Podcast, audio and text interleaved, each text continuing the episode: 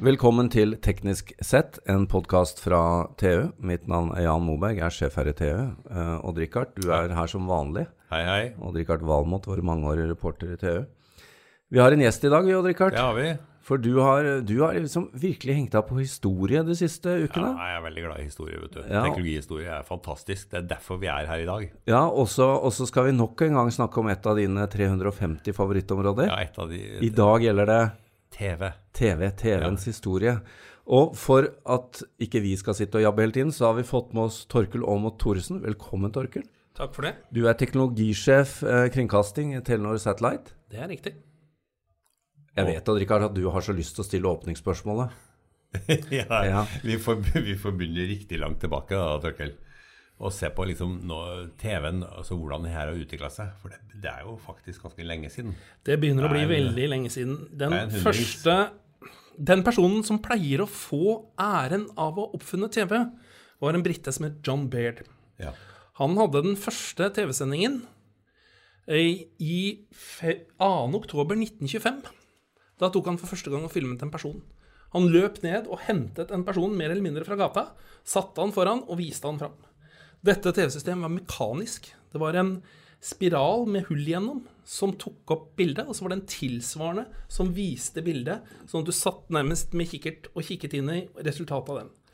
Og oppløsningen 30 linjer.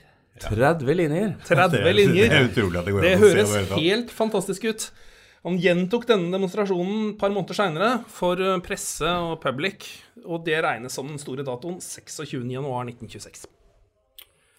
26.01.1926. Ja, men har, eh, det, det tok tid før det kom til Norge likevel, da. Det tok veldig mye tid, og det var veldig mange sprang underveis i dette her. Man lurte jo lenge på om TV-en skulle være mekanisk eller elektronisk. Det, Det var det man morsom liten detalj. I dag snakker vi om høyoppløselig TV. Første gang de brukte det begrepet, var i 1936.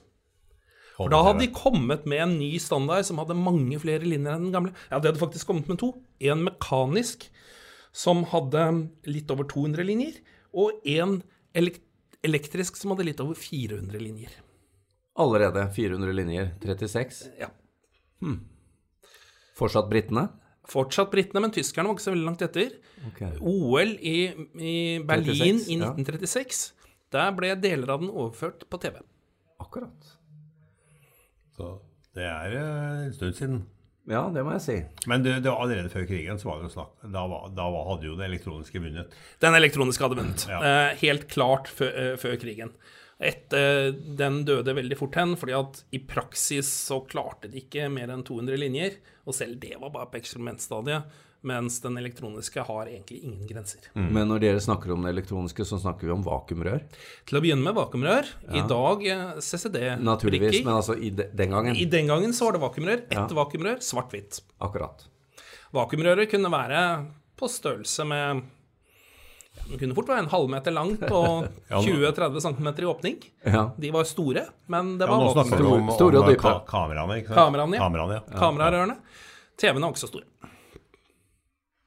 Og, vakuumrør, eller katodestrålerøret, og det varte jo lenge, da. Det er jo ikke Jeg var i, på ferie i Spania i forrige uke, og da så jeg faktisk noen som hadde en gammeldags TV. Det ser du ikke mange av her i Norge nå. Nei, du ville jo løpt ut av et, telefon, nei, ut av et hotellrom med, med en sånn TV, du. Jeg ville gjort det. De, For kall, langt- de, kalles, nytt rom. de kalles tjukk-TV-er i dag. Tjukk-TV-er, Ja. Og du får ikke gitt dem bort på loppemarked. Men eh, hva, hva er datoen for, eh, for eh, når dette kom til Norge? Vel, vi begynte i Norge med noen prøvesendinger i 1954.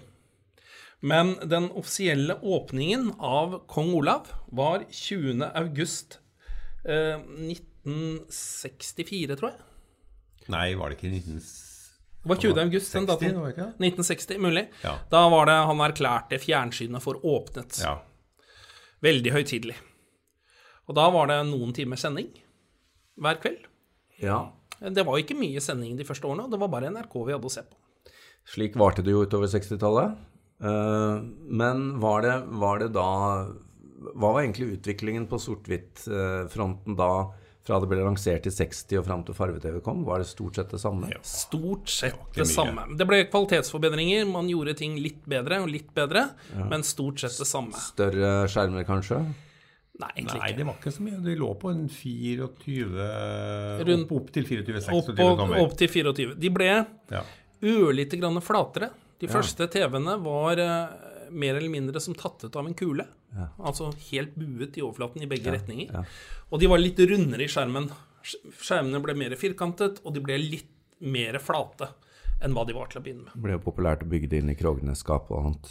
Ja, det var mange fine møbler som var var fine møbler. Sånn var det på radiofronten òg. Det var det. Grammofon.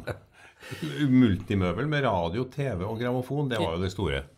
Det kosta et par månedslønner. Ja, sånn. to-tre månedslønner var det Ja. for normale mennesker å kjøpe seg en radio eller en TV på den tiden.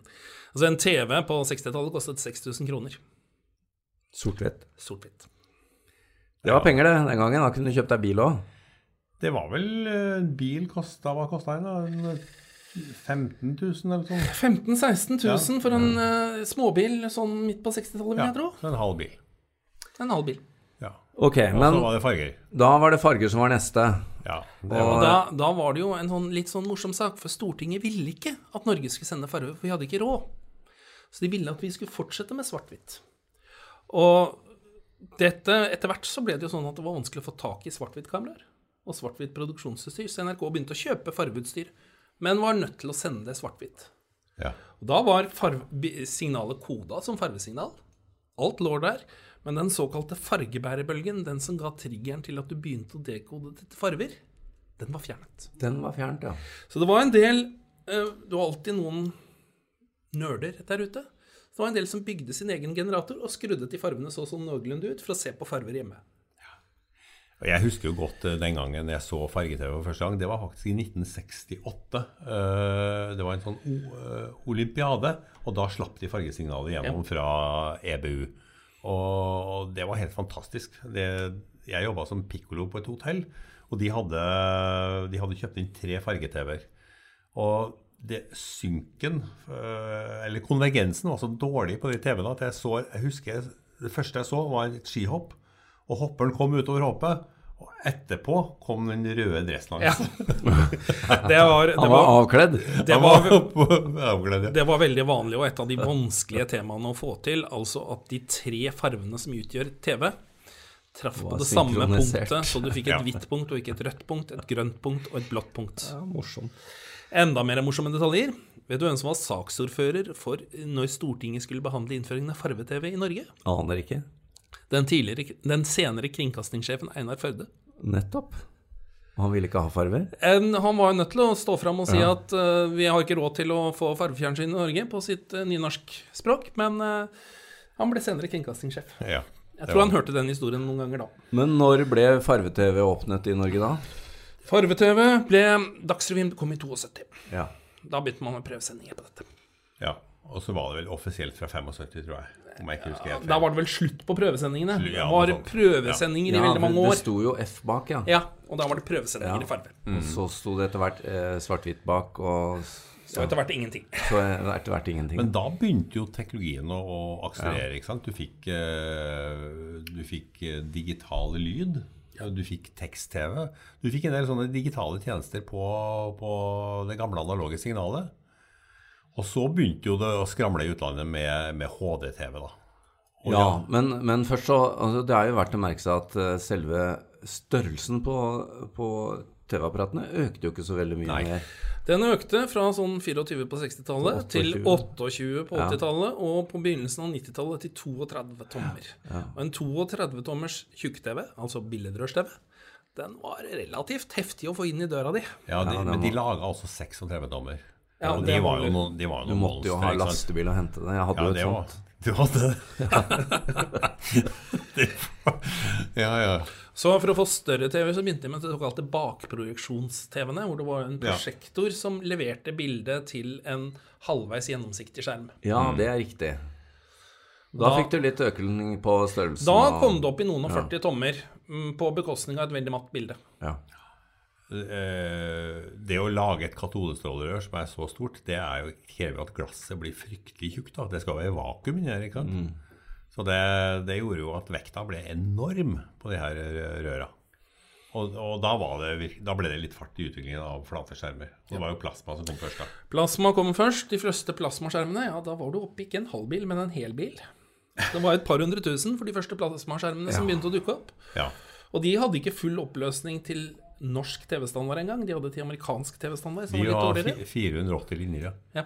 Akkurat. Og kostet et par hundre tusen. ja. Og hadde uendelig dårlig bilde. Det var mye dårligere enn på katodestrålerørene. Kontrastforholdet på de første var 50 til 1. Ja, de var, og de var De blåste ut, eh, de var uskarpe, de var dårlige på mange måter. Ja. Men de kosta en formue fordi de var flatt. Ja. Var Så hvor, hvor gikk vi derfra, da? Så kom jo LCD-TV-en etter hvert. De var, jo, de var jo allerede store på skjermer, og så kom de over i TV-verdenen. Og det var jo Da fikk du mye større lysstyrke også, og mindre energiforbruk. Og det er jo, det er jo, det er jo enerådd i dag, selv om OLED nå begynner å gjøre seg gjeldende. Så nå er, nå er vi inne på, på det som er dagens løsning, egentlig. Vi har hoppet over et eh, lite trinn, og det er eh, hoppet fra analoge sendinger til digitale sendinger. Ja. Som kom på alle sendingsformene vi kjenner til, altså kabel, satellitt, eh, bakkenett osv. Men det betød en voldsom forbedring av bildet, Ja. fordi da kunne du bli kvitt det gamle pallsignalet, hvor farvene var voldsomt komprimert. Akkurat. Så du forløste litt uh, Du fikk mye skarpere bilde for at du slapp unna å ha farvene modulert inn i svart-hvitt-signalet. Det var litt som å gå fra FM til DAB, det der. Eh, Nei, det var en mye større forbedring enn å gå fra FM til DAB. Det var en klar forbedring å slippe unna den fargen farven, farven som begrenset detaljen både i svart-hvitt og i farver. Når skjedde det? Det kom når vi begynte med digitale sendinger. Først på satellitt, sånn 94-95 begynte de første sendingene på satellitt. Da hadde man også gått over til digital kompresjon av signalet med MPEG-koding. Nå, nå skal jo vi lage en sending til om dette temaet, Odd Rikard. Og Da, skal- da skal vi snakke fremover. Men det jeg kunne tenke meg å spørre dere om Fordi jeg, det er mitt inntrykk, da, at eh, det har vært lansert utrolig mange standarder og løsninger som gikk feil Ja, ja, ja. historisk oh, på TV. Spesielt innenfor HD-TV, som Ja, vi begynte med i sted. Og også tenker jeg også på Det er litt ikke helt Det er beslekta i hvert fall, dette her eh, VHS og Betamax og alt det som det, var, det er mye som har gått galt. Egentlig for mange som har kommet med nye og fine løsninger. Kan vi få en kjapp oppsummering på tabbene? Første tabben var mekanisk TV. Interessant å se på, men uh, veldig lite oppløsning. Så hver eneste gang det kom en ny TV-standard, så ble den markedsført som høyoppløselig TV. HD-TV. Selv om den hadde 200 linjer, så var det fortsatt HD-TV. Den eh, mest kjente, eller mest lenglevende av de standardene som ikke ble noen suksess, var en fransk standard som kom i 1949. Den hadde rundt 800 linjer, og den levde fram, helt fram til 80-tallet. Men den var bare i svart-hvitt, og bare i Frankrike. I, når det gjaldt sånn vanlig sendestandard, så hadde amerikanerne sin standard. NTSC, eller eh, National Television Standard Committee, som den het. Eller som vi pleide å kalle den, Odd. Never twice the same color. Fordi den var så følsom for endringer i signalet, så man ble grønn eller lilla i ansiktet før man ante ordet av det. Så Donald Trump er egentlig ikke oransje? Um, Han, var, han kunne nok være en helt annen farve der. Han hadde vært sånn smurfefarga på en Men sånn en grønn afroamerikaner, det er ikke så veldig morsomt å se på. nei, nei Så hadde man i Europa en standard som het PAL, Face Altering Line, og en standard for, for, i Frankrike som het CECAM. Franskmenn valgte sin egen standard. Disse, alle disse standardene levde helt fram til vi fikk de digitale sendingene på 90-tallet. Litt morsomt der, østeuropeerne valgte den franske standarden av SECAM for at de ikke skulle kunne ta inn de tyske pallsendingene. Nettopp. Ja. Men, men bare et spørsmål der. Japanerne ble store på TV-produksjon. Hva gjorde de? Japanerne var faktisk ganske seine. De kom i gang med TV-sendinger i 53, tror jeg det var. Altså tidlig 50-tall i hvert fall. Og de De brukte den amerikanske med standarden. De brukte den amerikanske standarden. Og her er det en viktig Akkurat. ting å være klar over. Den amerikanske standarden bygger på 60 hertz. Den europeiske standarden bygger på 50 hertz. Og det kommer av lyset. Fordi at lyset i, et, i en vanlig lyspære følger en sinuskurve. Og hvis du ikke treffer på samme sted når du tar bildet, så får du en en ja. voldsom flikring i bildet. Så det er bakgrunnen for at vi har to forskjellige frekvenser på TV i Europa og Japan og USA. Okay. Så da var det naturlig for japanerne å ta den amerikanske standarden. Og etter hvert, sånn 70-80-tallet, så begynte japanerne å være ganske ledende. De var blant de første som begynte å se på hvordan du skulle gjøre HD-TV i en standard de kalte Muse. Og de gjorde en del sendinger på sent 70-tall, tidlig 80-tall. Jeg har sett en av de første tapene, kanskje den første tapen som ble lagd av HDTV. HD-TV. Det var sumobryting. Ja, akkurat. Enda der er jo pikslene store. To store piksler. ja, egentlig. Og etter hvert så ble japanerne ganske ledende på utvikling av TV, og kameraer, billedmiksere, det meste kom fra Japan. Veldig bra. Eh, Et siste poeng her før vi avslutter. Hva om historien? Odd Rikard, du hadde noe på hjertet? Ja, nei, jeg tenker bare det med museet de, Europeerne ble jo så jævla nervøse for at japanere skulle ta forspranget når det gjaldt HD-TV. For museet fungerte bra, selv om det var dyrt. Så de utvikla en standard som het HD-Mac. Eh, Den skulle ta markedet i Europa. Det var Philips og Gruning og sånt som var, som var i, i førersetet her. Men så viste det seg at de TV-ene som ble utvikla, de var så store at de kom ikke inn gjennom den gjennomsnittlige europeiske stuedøra. Pluss at amerikanere da hadde sagt at sorry, folkens, vi skal ikke ha noe analog TV-standard. Fremtiden er digital. Ja, Det er det store markedet som dikterte hva valget ble. regner Det er det. ja. Dere, vi skal eh, komme tilbake med å se på fremtiden på TV-teknologien. Men veldig interessant dette her. Det er sikkert mye mer å fortelle, men vi får si takk for denne gang.